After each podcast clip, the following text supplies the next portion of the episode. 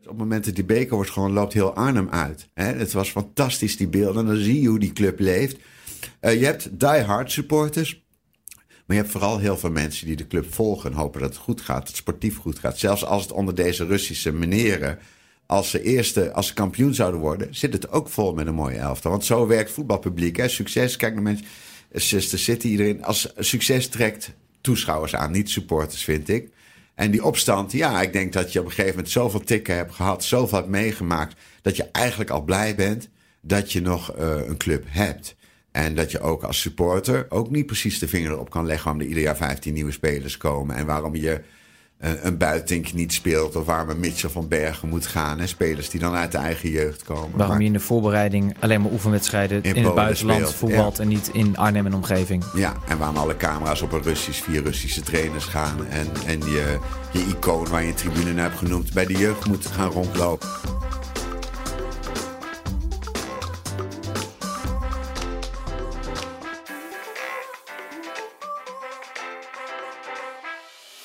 Podcast Scorebordjournalistiek bespreken we wekelijks een productie van Voetbal International. Ben je benieuwd naar het artikel dat we bespreken? Ga dan naar www.vi.nl/slash scorebordjournalistiek. Daar kun je het hele stuk gratis lezen www.vi.nl slash scorebordjournalistiek. Scorebordjournalistiek, aflevering 13 alweer. En tegenover mij Iwan van Duren, uh, ja, manetje van alles binnen de VI-redactie. En, en een van de ja, vele onderwerpen die jij in je pakket hebt is uh, voetbalclub Vitesse. En daar heb jij, uh, nou, dit is zo'n redelijk wat over geschreven. En het oog wat onrustig, Iwan. Ja, dat is wel een statement. het is onrustig op het veld, het is onrustig buiten het veld. En eigenlijk is bij Vitesse natuurlijk altijd onrustig. Hè? En, uh, en, uh, maar het was even vooral heel erg. Uh, je zag natuurlijk dat ze vijf nederlagen. Toen was het inderdaad hè, met, de, met de rust die wegging, noem maar op. Het is geen nieuwe trainer. dus het is heel onrustig. En ze hebben even een hele rustige man voor de groep gezet. Zodat dat in ieder geval rustig lijkt. En, maar Vitesse is natuurlijk al negen of tien jaar onrustig. Wat zeg ik? Het is al eigenlijk een kwart eeuw onrustig. Hè? Begonnen bij Albers. Ja, Karel Albers. Eh, even terugkijken. Mensen zien Vitesse voetballen. Niet iedereen kent het verhaal achter Vitesse. En wat Vitesse eigenlijk een andere club maakt dan misschien wel de 17 andere eredivisieclubs in Nederland. Dat is eigenlijk wat jij het over hebt. Ja, 9, 10 jaar geleden. Het was 2010 volgens mij. Ja. Toen veranderde iets. Iets wat wij in Nederland nog niet kenden op deze schaal. Eh, Vitesse werd overgenomen. Ja, het was, uh, er waren natuurlijk in buitenland veel clubs overgenomen door buitenlandse eigenaars. In Nederland had je wel wat uh, mensen gehad, zoals Schering gaan, noem maar op allemaal. Hè? Nederlanders die iets affiniteit hadden met de club, die, uh, die een club overnamen. Maar dit was de eerste echte zakelijke overname. En dat was, dat was in 2010. En Vitesse was toen heel erg aan het herstellen van de vorige, vorige keer dat heel hoog wilde vliegen met Karel Albers. Stond een randje van faillissement. En de directeur was zo slim geweest om via een... een een eh, geldwoekeraar, zou ik hem maar noemen. Om daar wat geld van te lenen. En een ruilde voor de aandelen even bij hem te stallen. Dus die ging op vakantie en de club was verkocht tot zijn grote verontwaardiging. Maas met Schouten. Maas met Schouten, die in Mallorca nog steeds geniet van, uh, van dat geld. En uh, de enige die daar beter van is geworden. En nou, het grappige, een maf is eigenlijk dat toen, ik deed destijds uh, onder andere AZ, ik volg het op de voet, waar de grote val van Scheringa was. En AZ compleet instortte. En stond net zoals stond er erger voor dan Vitesse, eigenlijk ook op het randje van het faillissement. En ik werd toen gebeld door een hele grote buitenlandse makelaar. Of ik, eens, of ik wat meer inzicht kon geven in de financiën van AZ. En hoe dat volgens mij ervoor stond. Dus ik had dus iets, waarom wil jij dat weten? En uh, dus ik had gezegd, nou, die zijn bijna failliet, zo staan ze ervoor. En, en een tijdje later sprak ik Don Gerbrands, die was daar destijds directeur. En die zegt, ja, we hebben hier wel kopers gehad, Russen of zo. Maar de curator heeft daar uh, wat experts op gezet waar het geld vandaan kwam. En dat is meteen een hard nee geworden, want het was allemaal veel te vaag. Dus wat, uh, ja, wat schetste mijn verbazing toen diezelfde mensen, waar het over ging, in, in Arnhem wel uh, voet aan de grond kregen. De KVB niet opletten. En in de kortste keer was Vitesse voor een habbekrats. Dat was iets van 7, 8, 9 miljoen volgens mij verkocht. Een eigenaar van een, een consortium waarvan iedereen toen nog dacht dat het meer op Jordania was. Hè? Die, die uiteindelijk daar uh, met een politieverbod. Uh, en, uh, stadionverbod, ja. Stadionverbod, de taakstraffen. En de, de nieuwe directeur die liep daar met een panic-button rond. dus er waren Wild West toestanden. Maar dat bleek helemaal niet de eigenaar te zijn. En, en het was een. dus dat is, maakt Vitesse wel een heel bijzondere club in Nederland. Ook een gehate club. Veel medebestuurders die. eh, de- de- er is inmiddels tien jaar later. Je vraagt je af wat is het verdienmodel.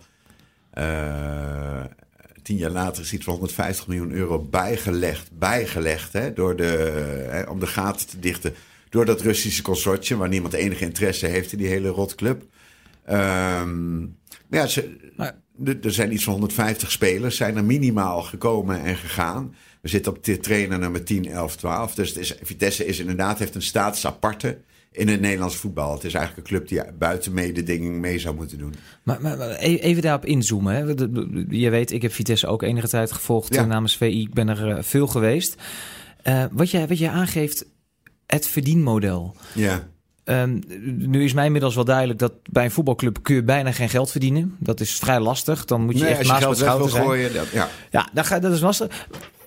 Heb jij inmiddels met al jouw ervaring eh, bij Vitesse, maar zeker ook in de onderzoeksjournalistiek, enig idee wat nou het plan is geweest in 2010 van de Russen en wie dat uiteindelijk geweest is? De heer Chigirinsky, de heer Oif, Het of was misschien gewoon wel Roman Abramovic Nee, het was gewoon het omveld van Abramovic. Deze meneer Oif, die heeft, eh, die heeft ook eh, nauwe banden. heeft ook voor bedrijven gewerkt van Abramovic. Dus het is gewoon een entourage. Je ziet het als een losvast geheel van een aantal mensen...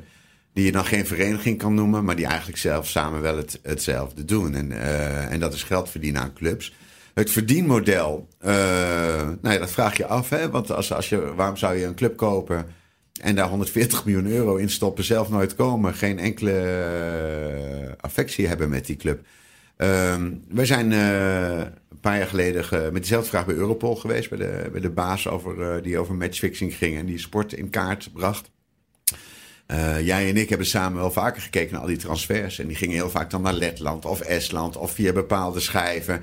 En wat ons dan opviel, dan zaten we hè, nachten die dingen te turven. Dat het heel vaak dezelfde clubs waren waar langs werd geschreven. Ik bedoel, Israël wordt iedere trainer gestald en komt weer terug. Eh, als je goed gaat kijken, maar daar heb je echt bijna een dagtaak aan nodig. Dan zie je een carousel van spelers die continu door Europa heen wordt getransfereerd. Continu. Het gaat eigenlijk om, niet eens om de prijs. Het gaat maar om dat er ieder jaar een, eh, eh, een transfer gedaan wordt. En met de transfer vangen mensen geld. Maar de antwoord van Europol want, was... Als, als mensen zoveel geld in een club stoppen en je vraagt waarom... dan is dat een retorische vraag. Ik zei ja, maar dan als de retorische vraag heeft ook een retorisch antwoord. Dus wat is uw antwoord? En man natuurlijk... Hij zegt ja, wij houden ons volkomen bezig met witwassen. Dat is een heel groot eh, item in het voetbal. Heel veel clubs zijn in handen gekomen van mensen of consortia die met elkaar te maken hebben. Makelaars, noem maar op allemaal. En daar zit een heel groot verdienmodel in. Hè? Want je kan spelen van A naar B, schrijven van B naar C, naar C naar, naar, naar D. En er komt, teken, er komt tekengeld bij kijken. Er komen andere... Ja, eh, ja, en dan vind ik het ook een beetje flauw, want je, had- je had Joost de Wit daar als directeur. Die werd achter zijn rug Joost de Witwasser genoemd, zeg maar. Maar ik denk dat die mensen die daar werken, eh, Vitesse werkt eigenlijk op twee niveaus. Aan de ene kant heb je dus eh, een directie en de mensen in de club die de club proberen te runnen zoals je een Nederlandse club runt. Hè? En, dan, en eh, het mooiste voorbeeld vind ik altijd op de tribune zien een grote sturingtribune, de Theo Bos tribune. Zeker. Allebei weggezet voor andere trainers uit het buitenland. Als puntje bij paaltje Ja, ja. komt, is de eigenaar de baas. En, en die hele clubcultuur eh, is een mooie, mooi sausje. Maar het draait gewoon keihard om geld en om, en om spelers eh, in beweging te houden. En, en dan heb je ook spelers die een tijdje wel kunnen stallen op een laag niveau, want zo zien ze dat dan. Maar die in Nederland wel in de kijker kunnen spelen. En Boni, die kan natuurlijk hier in Nederland, weet je dat hij de 20 gaat maken. Maar ook je hebt ook mooie voorbeelden eh, gehad van eh, Mount, eh Eudegaard, noem maar op. En dan denk je, wat heeft Real Madrid, Eudegaard? Maar heel vaak, er zit een netwerk achter van makelaars, clubeigenaars, geldschieters. dat heel onderzichtig is. Zelfs voor ons, die er acht jaar heel veel tijd aan hebben besteed. Jij hebt er ook heel veel tijd aan besteed. Het lukt eh, Europol, Interpol, eh, de Fiat. Lukt het bijna niet, omdat geld gaat over zoveel schrijven naar zoveel plekken toe. Dat je het gewoon ook niet. eh, dat het heel moeilijk is om dat bloot te leggen. Je krijgt soms een inkijkje als wat van die papers uitlekken. Je had de Panama Papers, maar je had ook die voetballeaks, zeg maar. Dan krijg je een beetje een idee hoe het allemaal werkt. Hè. Ook bij Twente gebeurden gewoon de raarste dingen. eh. We hebben toen nog een keer die, eh, die rechtszaak gehad met Marcel Ham, waar toen ook eh, wat documenten naar buiten kwamen. Nou, daar heb jij bijvoorbeeld heel goed werk in geleverd. Een heel bijzonder verhaal over gemaakt, weet ik nog. Volgens mij hebben wij dat nog gebruikt, ook in een, in een boek of Nee, een maar ander om- precies, maar om aan te geven, je moet het echt van dat soort zaken Maar hebben, van je leaks en ja. van, van rechtszaken. Want Vind ik anders wel. kom je er niet, dicht genoeg bij in de buurt eigenlijk? Mm, nou, je kan wel in de buurt komen, maar je vinger erop leggen is heel moeilijk. Kijk, bij Vitesse was ook het eerste wat met die eigenaars binnenkwam, was een apart kantoortje met, ik weet niet meer hoe ze heette, die mevrouw. Uh, die deed. En daar alleen zij deed alle transfers invoeren, de dingen allemaal. Dat was gewoon een hele andere. Er mocht niemand verder bij komen, zeg maar. Uh, dus er is ook een soort een, een, schaduwclub in de club, zeg maar, altijd geweest. En ik heb wel het idee dat de interesse uh, in Vitesse aan het afnemen is, zeg maar, vanuit die hoek. Um, het zal natuurlijk ook niet voor eeuwig zijn. Dus ik, de afgelopen tijd. Uh, maar even terug te komen, wat kun je je vinger opleggen? Ik vind als je iets zegt, dan moet je het ook kunnen bewijzen. Dan moet je ook kunnen zeggen, die, die, die, die, die transactie. Ik kan alleen zeggen wat, er, hè, wat bij Europol werd gezegd, maar ook, bij, uh, ook bij, bij mensen van de Fiat die daarmee bezig waren. Van ja, ik bedoel, je hoeft niet uh, heel erg slim te zijn om te begrijpen dat hier iets raars aan de hand is. Nou ja, dat lijkt me ook iedereen op straat die vraagt waarom geef je 150 miljoen euro uit aan een club waar je niks mee hebt. Uh, dan is het een normale vraag uh, die je bijna niet mag stellen. Want dan ga je dat bij de club vragen. En dan zegt, zei Joost de Wit bijvoorbeeld, het verbaast me heel erg. Die zei op een gegeven moment, dit is een voorbeeldclub voor Nederland. Want kijk met al dat geld wat we kunnen doen. Uh, ik denk er anders over. Ik denk, als ik had negen jaar geleden, dat ik denk dat AZ destijds, die zeiden nee en moesten uit de as zich weer opbouwen. Vitesse zei eigenlijk niet ja, maar die werden eigenlijk uh, buitenspel gezet door de directeur die niet oplette. Uh, als ik mocht kiezen welke club ik zou willen, dan zou ik liever AZ willen, dat steen voor steen is opgebouwd met een beleid en een bestuur. Uh, dan Vitesse, waarin eigenlijk ieder jaar een nieuw theater wordt geopend met nieuwe spelers. En kijk alleen maar naar hoe kun je je binden met zo'n. Nou dat is heel moeilijk. Kijk, supporter ben je voor het leven. Dus dan, en, en, ik ken die supporters ook. En ik ben zelf als Vitesse was een club waar ik met mijn oom als eerste heen ging. Dus ik heb ook een enorm gevoel bij Vitesse. De supporter blijf je, of het nou een Rus, een Egyptenaar of wat dan ook is. Maar het wordt je wel heel moeilijk gemaakt om de... Het voelt als een, een, kille, een hele kille geliefde, laat ik het zo zeggen. Ja, maar wat ik, wat ik wel moeilijk hieraan vind, is dat mm. er is ook natuurlijk. Wij schrijven over Vitesse. En dat wordt uh, in de rest van het land uh, wordt het uh, gepruimd. En in Arnhem heel veel kritiek op, omdat wij in het verleden ook kritisch zijn geweest op alles wat jij nu benoemt. Omdat de Arnhemmers zijn ook nuilers, hè? Ja. Wij, wij zijn nuilers. Ik vind het prima. We hebben opgeschreven hoe het zit. En dat, dat levert dan kritiek op. Maar wat ik altijd heel bijzonder heb gevonden, is dat mensen niet verder hebben kunnen kijken. Op het moment dat Marco van Ginkel afscheid neemt uh, van de club, jongen van de club, mm -hmm. ging naar Chelsea. Joost de Wit loopt het veld op om hem uh, te bedanken. En boven in de skybox uh, zitten mensen en die, die gaan naar binnen toe, want er is een wedstrijd van Chelsea op tv. Dat, dat is het beeld op een gegeven moment ontstond van die club. En op de tribunes zie je het wel. Want je ziet gewoon de tribunes zijn leger geworden. Tegen ja, Feyenoord, tegen Feyenoord zal het alweer een stuk voller. Maar dat is dan wat Feyenoord op bezoek komt. Uh, dus op een gegeven moment hebben ze doeken opgehangen uh, in het stadion. Om het wat voller te laten lijken. Uh, eerst zag het er heel leeg uit aan de kant waar de camera's op stonden. Vervolgens hebben ze de seizoenskaarten, de prijzen veranderd. Zodat het of voor de camera wat voller leek. Slim. En nu is de hoofdtribune wat minder, leeg, minder vol. Dat is heel slim. Maar toch heb ik nog steeds het idee dat heel veel mensen die mooie club, want dat is het, laten we dat vooropstellen, Absoluut. trouw blijven. Ik had wel een keer een opstand verwacht. Nou ja, je hebt natuurlijk een tijd geleden wel gehad voor de eerste een hele groep de hoofdtribune opkwam. En, maar dat ging vanwege de sportieve resultaten deels. Maar ook de irritatie. Een opstand. Kijk, als je Vitesse supporter bent, dan heb je wel wat meegemaakt. Hè? Want je ging uh, van Monnikenhuis, je ging naar dat fantastische nieuwe stadion. Je ging met de Albers, maakte je de raarste dingen mee. Het stortte in. En vergeet niet dat uh, het ergste, en ga dan maar met een Dordrecht-fan praten nu, of met een Veendam-supporter. Het ergste wat je maar voor kan stellen is dat jouw club failliet gaat. En in de tijd dat, en dan moet ik van de Kraan, de directeur onder wie dit allemaal gebeurde, wel nageven. In de tijd dat de club werd opgekocht, konden de salarissen niet meer betaald worden. Daarom moest hij dat geld lenen van die woekeraar, tenminste ik noem het een woekeraar, het zal officieel wel anders heten. Um, overal waar hij kwam, en dat zegt supporters ook, hij was wel eerlijk. Want hij zei overal nee op. En dan kon hem wel de kop inslaan. Maar er was gewoon niks meer. Het was grote. Uh, Vitesse stond echt op omvallen. Met de geschiedenis erbij van al het geld wat er al was geleend. Hè, en wat via de overheid in, in, in Vitesse was gestopt. Vrienden die nog geld kregen. Er was ook niemand meer. Zelfs Jan Snellenburg kon niet meer helpen met zijn centjes.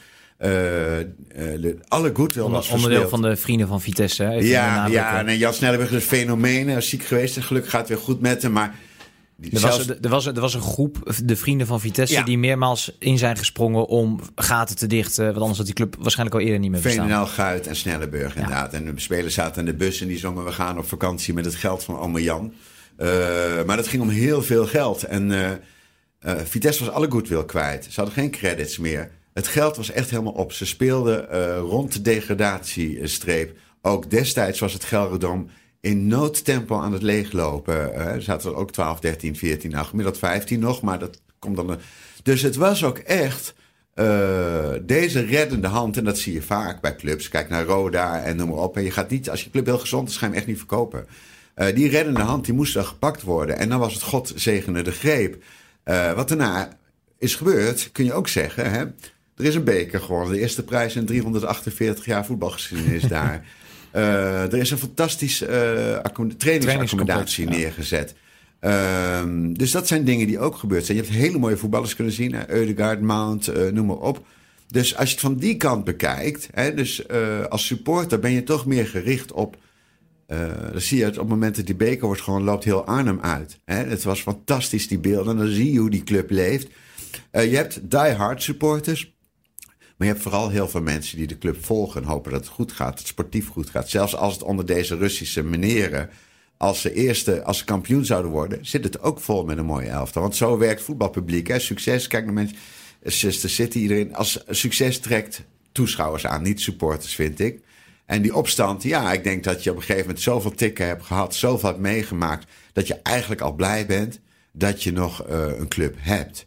En dat je ook als supporter ook niet precies de vinger erop kan leggen waarom er ieder jaar 15 nieuwe spelers komen. En waarom je eh, een Buitink niet speelt. Of waarom een Mitchell van Bergen moet gaan. En spelers die dan uit de eigen jeugd komen. Waarom Maar- je in de voorbereiding alleen maar oefenwedstrijden in, het buitenland speelt, voetbalt en niet in Arnhem en omgeving. Ja, en waarom alle camera's op een Russisch, vier Russische trainers gaan. En, en je, je icoon waar je een tribune naar hebt genoemd bij de jeugd moet gaan rondlopen. hè. Ah, Dat ik, zijn- vind dat, ik vind dat, dat- echt dat laatste wat je nu benoemt, Edward Sturing. eh die Ja. de club meermaals ook als interim trainer. Het is ook eh, Etje Interim was het inmiddels. Want Ja. die, elke keer als het verkeerd ging, moest hij dan de boel Ja, redden. En dat is vrij Ja. denigrerend, want het is natuurlijk een goede trainer. Ja. Daarom, en een clubicoon. eh, maar die werd gewoon, eh, toen de Russische assistenten van Soetski moesten komen, werd hij eigenlijk gewoon opzij geschoven. Die kon weer terug naar de jeugdafdeling. Hij was doodongelukkig. Hier, dus ze stond op een gegeven moment met, met acht man op het veld. werd Russisch gepraat.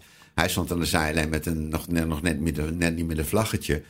Eh, hij werd gewoon nergens bij betrokken. En dat zag ik van de week bij Vitesse. Zie je die, die trainers allemaal samen weer kletsen. En was het samen. Maar hij zat er voor Jan Lul bij. En dat is gewoon een hele nare rol. Dus ja, wat is dan een clubicoon? En dat is ook waar Vitesse eh, in mijn gevoel...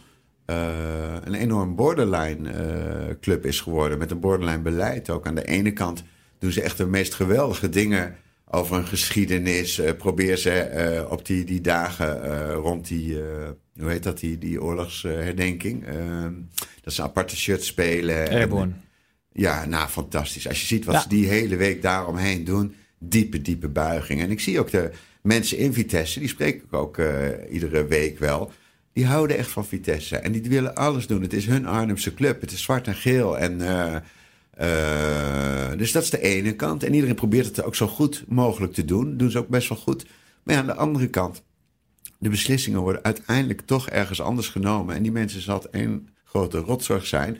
Als er maar wat gebeurt wat zij willen. Dat de spelers worden gesteld. Dat de Europa League wordt gehaald. Want dan kunnen die spelers op dat niveau ook weer wat eh, in de picture spelen ervaring opdoen. Dat is wat ze moeten doen. En Sloetski was de eerste die daar openlijk over sprak. En Want hij is natuurlijk een, eh, uit de intieme kring van Abramovic. Hij kwam daar ook dankzij Abramovic. Hè, want hij had natuurlijk in Engeland ook al twintig keer verloren achter elkaar. Ja. En moest een nieuwe club. Nou, ik heb nogal wat in Arnhem voor je. Nou, hij naar Arnhem toe. Daar is het dus ook weer misgegaan. Maar die was er vrij openlijk. Hij zei, ja, maar het doel is hier niet om, om eerste te worden. Of Champions League. Het doel is hier spelers beter te maken en weer door te verkopen. Dus hier is het heel ander verdienmodel. En toen zei ik ook van, ja, maar wat heeft het voor zin als je 130 miljoen euro eh, kwijt bent? Hij zegt, ja, maar dat zijn lange termijn projecten. Dat moet je niet zien als dat je in één keer winst moet maken, zeg maar. En hij kwam er natuurlijk niet bij vertellen dat je misschien... Hoeveel, dat je op iedere transfer, ook verliesgevende transfers, kun je natuurlijk ook winst maken. Als je maar gewoon vaak genoeg doorverkoopt. En nou, dat is de rol van Vitesse. En daar hebben ze zich ook in geschikt. Alleen ik vond het een beetje vermoeiend worden toen Joost de Wit, die dan begon: Dit is een voorbeeldclub. Ja, dat is absoluut niet zo. En Drie maanden later vertrok diezelfde Joost de Wit door de achterdeur. Hij werkt nu inmiddels bij de UEFA. Maar hij was uit het niks ging die weg, hè? Ook Ja. geen, eh Maar geen nul verantwoording afgelegd, nul eh, verteld waarom. Nou ja, dan is er natuurlijk een contract getekend zoals dat normaal gaat. Non-disclosure. Ja, precies. En dan denk ik van ja, dat vind ik wel. Bestuurders komen en gaan, maar die mensen op de tribune en die club die blijft bestaan. Dus, dus je mag daar wel naar kijken zoals het is. En dat Vitesse gewoon een. eh, het doel is niet om Vitesse zo hoog mogelijk te brengen. Het doel is om daar spelers door te laten stromen en geld door te laten stromen. Wil je meer verdieping bij het voetbal? Ga dan naar vi.nl/slash podcast en neem een abonnement. www.vi.nl/slash podcast. Dan gaan we naar het hier en nu. En dan blijf ik nog weg bij wie de trainer wordt. Dat, dat, dat gaan we zien. En waar Vitesse het seizoen eindigt. Als het doel is om geld te verdienen aan transfers. Je, je had het erover. De waarde op het veld op dit moment. Minimaal. Eh, eh, Brian Linsen vertelt in een verhaal van jou dat hij vertrekt. Ik lees dat eh, Tim Matas vertrekt. Ik, naar Verona voor is er klaar mee. Ehm, eh, voor mij is het rijtje best lang met spelers die aflopen. Dus ja, pak de basis. Ja, daarom heb ik ook het idee. Kijk, Abramovic is al, die heeft Engeland niet het visum gekregen wat hij wilde. Die is al eigenlijk een jaar nauwelijks gesignaleerd bij Chelsea. Dit houdt ook ergens een keer op natuurlijk. Hè? En ehm, wat mij wel opvalt, als je nu kijkt naar... nou, bijvoorbeeld, nou, nou, laten we gewoon de, de eerste elf nemen tegen, tegen Feyenoord. Dan heb je in het doel een 35-jarige doelman. Het contract loopt af. Is, eh, die zal straks bij PSV gaan werken waarschijnlijk. Maar die ga je niks meer voor vangen. Je hebt centraal heb je een eh, huurling van PSV. Links heb je een hardloper die niks kan, die door Slutski is gehaald voor 6, 7 ton. Maar die gaat je, dat is geen kassenkraken, die gaat je niks nou opleveren. ja, die gaat, die gaat waarschijnlijk bepaalde mensen wat opleveren. Maar Vitesse niet dan. Nou, die zal misschien ook wel weer naar Israël gaan of naar een van die andere clubs die in dat eh, circuitje zitten. Of naar Athene, waar eh, dingen dan uh, weer op gaat duiken ook. En dan heb je rechtsachter heb je Lelyveld, de enige uit de eigen opleiding, die daar speelt met Karavayev verkocht kon worden. Loopt ook uit zijn contract, loopt ook weg. Dan heb je centraal dan Doekie, nou, dus Jeugd International. Ik zou hem nu nog niet kopen, maar het is voorstelbaar dat hij doorgroeit. hè, Potentie, ja. Kan. Nou, dan kom je op middenveld voor, loopt uit zijn contract. Honda, die speelde dan niet meer veel in. eh, is hier even om op te trainen voor de Olympische Spelen. En trouwens ook een heel mooie speler. Dan heb je de enige twee die nog geld waard zijn. Dat zijn Bazoer en Bero. Die samen ook voor 4 miljoen gehaald zijn. Nou, daar is het van voorstelbaar als goede trainer. En, en Vitesse doet het goed dat je daar geld op gaat winnen. Maar dan kom je voor waar de duurste spelers staan. Linsen loopt uit zijn contract gratis weg. Matas loopt uit zijn contract gratis weg. En dan denk je, nou, dan heb je nog een geweldige spits in de jeugd... waar iedereen naar zit te kijken in Nederland, België. Hè, die, die, die gewoon, nou, laat die dan groeien. En dat gaat geld opleveren, Buitink. Wat gebeurt er? Er wordt Dikko erin gezet. Een huurling van Hull City, volgens mij. Als ik het zo uit mijn hoofd zeg, ook weer een club van, eh van Sloetski. Ehm, nou, de- de- en, en dan, nou, dan heb je nog Darvalu op de bank, zeg maar. Maar dat is het een beetje. Dus- Tanane, als die fit wordt en hè, ja, dat is een beetje dat zou, het- wel een kunnen, beetje dat zou. Ja. Maar laten we het maar. elftal van gisteren Ja. houden. Dan denk ik van als ik dat samen nu optel, wat dat je nu op kan leveren, dan kom je echt niet boven de 10 miljoen. En dat is natuurlijk eigenlijk waanzinnig als je ziet dat bijvoorbeeld de concurrent AZ, waar we het net over hadden, die het anders hebben gedaan, de afgelopen vijf, zes jaar, eh, vijf jaar al enkele spelers transfereren in het segment van rond de 15 miljoen. Van 10 tot 15 miljoen. Inmiddels gaan ze naar 15 tot 20. En jij en ik kunnen ook wel aanvoelen dat ze ook nog wel een niveautje hoger gaan binnenkort. Met, eh, met... Dus dan denk ik, wat is nou het beste model eigenlijk? Als je echt gewoon een club wil bouwen, dan is een belangrijk en goed en vooral stabiel bestuur. eh, dat met één mond praat en één doel heeft, is veel belangrijker dan een zak met geld. Maar, maar, maar dan even dat breder getrokken. Jij zei eerder al, er is een club in een club. Ehm, de jeugdopleiding. Er staat een fantastisch trainingscomplex. Ja. Hè? Een van de mooiste van Nederland. Absoluut. Ja. Eh, misschien wel tot AZ een nieuw complex ging bouwen. Misschien wel het mooiste van Nederland. Ehm, afgelopen zomer is er eigenlijk heel veel geld uit de opleiding getrokken. Want Klopt. er was te weinig geld. Zoveel jeugdtrainers eruit, eh, fysiotherapeuten, alles, alles eruit. Eh, jeugdspelers geef je aan, iemand als buiten redt het niet. Bij ja. Heerenveen loopt op dit moment eh, misschien wel de beste speler uit de jeugdopleiding van Vitesse. Ja, die echt helemaal niet zo nodig weg wilde. En, en je vergeet nog dat ze vorig jaar met al die bezuinigingen nog wel één ding hebben gedaan. Ze hebben de beste man hoofdopleiding voor de lange termijn binnengehaald. Hè, de man die het bij AZ heeft opgezet, die in Amerika heeft gewerkt, die is nog wel voor goed contract Oh, binnengehaald. wie hebben we het dan? Wijnker, hè? En eh, nou, je hebt het nieuws vast ook wel gelezen, heel klein berichtje bij Vitesse. die gaat weg. Hè? Dus die is ook weer weg. Dus ja, wat, wat is dit allemaal van flauwekul? En dan zie ik, uh, kijk, Mo Allah kan ook moeilijk wat zeggen. Die kan alleen zeggen, ik bestudeer het, we doen ons best. En ik heb een grote uh, rol hierin. Maar die zei, ja, er wordt ook gevraagd, wat nu? Ja, we gaan het heel goed tegen het licht houden wat we nu willen met de jeugdopleiding. Ja, dan denk ik van, ook daar kun je zeggen, want het is wel een enorme investering geweest, dat gebouw. Maar ja, wat is de bedoeling nou geweest? Ja, maar drie, vier jaar geleden was dat al. En ik weet nog dat destijds hebben Peter Bos en Mo Allag een plan geschreven voor de jeugdopleiding. Mm -hmm. Met een voetbalvisie en een manier van ja. opleiden.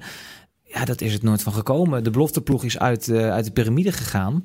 En je hebt het over, over Mo Allag. Die is weer teruggekeerd als technisch directeur. Nou, die is ook al bezig, was die weg. De, de technisch directeur ja. ging van het een op het andere moment weg. En toen is Vitesse volgens mij een jaar op zoek gegaan... naar de ideale opvolger van Mo Allag. De werd Mark van Hint even als interim. Ja. ja. en dat werd uiteindelijk Mo Allag. Dat ja past er best in profiel. En dan gaat een trainer weg. En dan, dan lees ik uh, letterlijk uh, de tekst van... ja, uh, we nemen de problemen heel serieus. Ja. En we moeten gezamenlijk een nieuwe hoofdtrainer vinden. En ik hoop dat ik heel belangrijk genomen word in de uiteindelijke beslissing. Maar we moeten wel even langs de Raad van Commissarissen... en langs de eigenaar. Nou, hij zei, hij zei van ik kom met een lijstje... maar dan moet wel een fiat aangegeven worden. En... Maar wat moet je dan zeggen? Weet je, het is gewoon wie betaalt die bepaalt. Ja, behalve in Den Haag als enige plek in de wereld volgens mij. Maar dus ik vind dat ook niet zo raar, moet ik eerlijk zeggen. Nee, maar dan is natuurlijk wel de Alleen vraag... wees daar helderder over, weet je wel. Wij worden, er wordt altijd gezegd, wij zijn baas in eigen huis. Uh, dat is wel waar, maar het huis is van iemand anders. En dat, en dat laatste moet je er ook bij zeggen. Kijk, ik ben misschien... Uh, jij geeft mij een huis, ik ben baas in eigen huis. Maar ja, op een gegeven moment denk ik... Gooi, ik breek die muur eruit, of ik wil dat of dat gaan doen. Ik wil wat anders met mijn huis dan zal ik toch even langs uh, uh, meneer de Bond moeten van wie het huis echt is. Dus ja, je bent baas in eigen huis, maar het huis is gewoon niet van jou. En het is, ik denk dat Vitesse, ik gun Vitesse heel erg dat ze een directie hebben die ook zo slim is om vooral bezig te zijn met een exit-strategie. Wat als het dadelijk, hè, want natuurlijk wordt altijd gezegd, anderhalf jaar staan ze garant, we laten je nu niet zomaar vallen. Ze hebben een redelijk eigen vermogen, hè, want, want de Russen hebben uh, de hele tijd meer in de club gestoken dan dat het tekorten waren. Dus ze hebben een soort van eigen vermogen, ja. ze hebben een buffertje. buffertje. Wat je zegt, anderhalf jaar is het, zeg maar de, uh, als de eigenaar er nu uit zou stappen. Dat je enigszins zachte landing krijgt. Dat dan moet hij anderhalf natuurlijk. jaar lang nog door blijven betalen. Ja. Nou ja, voor zover dat, voor zover het haalbaar is. Want dat is natuurlijk eigenlijk het Ja, die slot kan natuurlijk, dat verhaal. hebben we al eerder gezien bij Harts en zo, dat, dat soort contracten. En dan viel de hele eigenaar om. Ja, dan was het van de een op de andere dag toch. Kijk, Scheer had ook alles verankerd. Heb ik ook heel vaak gezegd. Van ja, wat als jij nou dood neervalt? Ik hoop dat niet, maar ja, mijn vrouw die zit ook, is ook eigenaar. Ik zeg, als jullie samen ongeluk krijgen, is allemaal verankerd. Maar wat nou als zo'n heel consortium opeens, of zo'n man opeens op papier of in het echt failliet gaat? En, en dus belangrijk is dat je nu een bestuur hebt dat denkt al over Vitesse. Uh, na deze, er zal vast een nieuwe eigenaar komen, schat ik dan in. Hoor. Want eenmanhandel van een eigenaar is meestal, daar kom je niet makkelijk meer uit, uh, zeg maar. Dus waarschijnlijk worden ze dan doorverkocht naar een andere eigenaar. Maar je moet wel goed nadenken. En een jeugdopleiding uh, is daarin heel belangrijk. Maar ja, dan nogmaals, als de geldkraan wordt dichtgezegd en de baas zegt nee, en je moet mensen ontslaan en niet de spelers die veel verdienen, maar juist de mensen die heel weinig verdienen aan de basis van Vitesse. Ja, dan heb je gewoon te luisteren. Maar wees daar ook eerlijk in. Uh, tot slot, uh, toekomstperspectief. Laten we zeggen, het is nu uh, 2019. Ja. La laten we eens een stip op de horizon zetten. 2024, vijf jaar van hier. Nou, dan gun ik, dan, dan, dan gun ik, dan zou ik bijna zelf, dan gun ik Vitesse. dat klinkt misschien heel raar. Maar het is, dan gun ik Vitesse of een eigenaar of een directie die echt, uh, waar het echt om Vitesse gaat. En dan, ja, als de bliksem, dat fantastisch. Ja, iedereen vindt het een lelijk stadion, als je er bent, het is zo modern, het is zo publieksvriendelijk en het is zo makkelijk vol te krijgen. Als je dat stadion in eigen handen kan krijgen, nou, dat is 10, 15 miljoen volgens mij, uh, soms ook 8. Uh, kwestie van timing en vooral van goede politieke contacten. Maar iedereen zit er eigenlijk een beetje mee. het is niet de hoofdprijs. En vroeger had je daar uh, Tina Turner en tegenwoordig Piratenfestival. Dat is een beetje hoe het Gelredome is gegaan. Dan zou ik zeggen, alles op alles zetten om dat stadion uh, toch alsnog uh, te krijgen. Of destijds op wat voor manier dan ook die verbinden met die club. Kantoren terug naar de club. En Vitesse gewoon langzaam weer opbouwen. En dat eigen smoel waar eigenlijk veel mensen nog steeds mee bezig zijn. Daarmee verder. En dan een geldschieter die hopelijk vooral geïnteresseerd is in Vitesse 1 en er ook altijd is, hè, want die ogen dwingen, dat gun ik Vitesse. Het komt goed met Vitesse. Vitesse is de ene oudste club van de Eredivisie en die overleeft ook nog wel een rustje meer of minder. Hoor. Vitesse is groter dan. Uh, Vitesse is een stuk groter dan de eigenaar. Mooi, mooi slot. Bent u benieuwd geraakt naar uh, alle verhalen over Vitesse? Uiteraard leest u die in de Voetbal International en op VI Pro. En deze week op uh, www.vi.nl slash scoreboursjournalistiek. Een gratis artikel van de hand van Ivan van Duren over Vitesse. Ivan, dankjewel. Graag gedaan.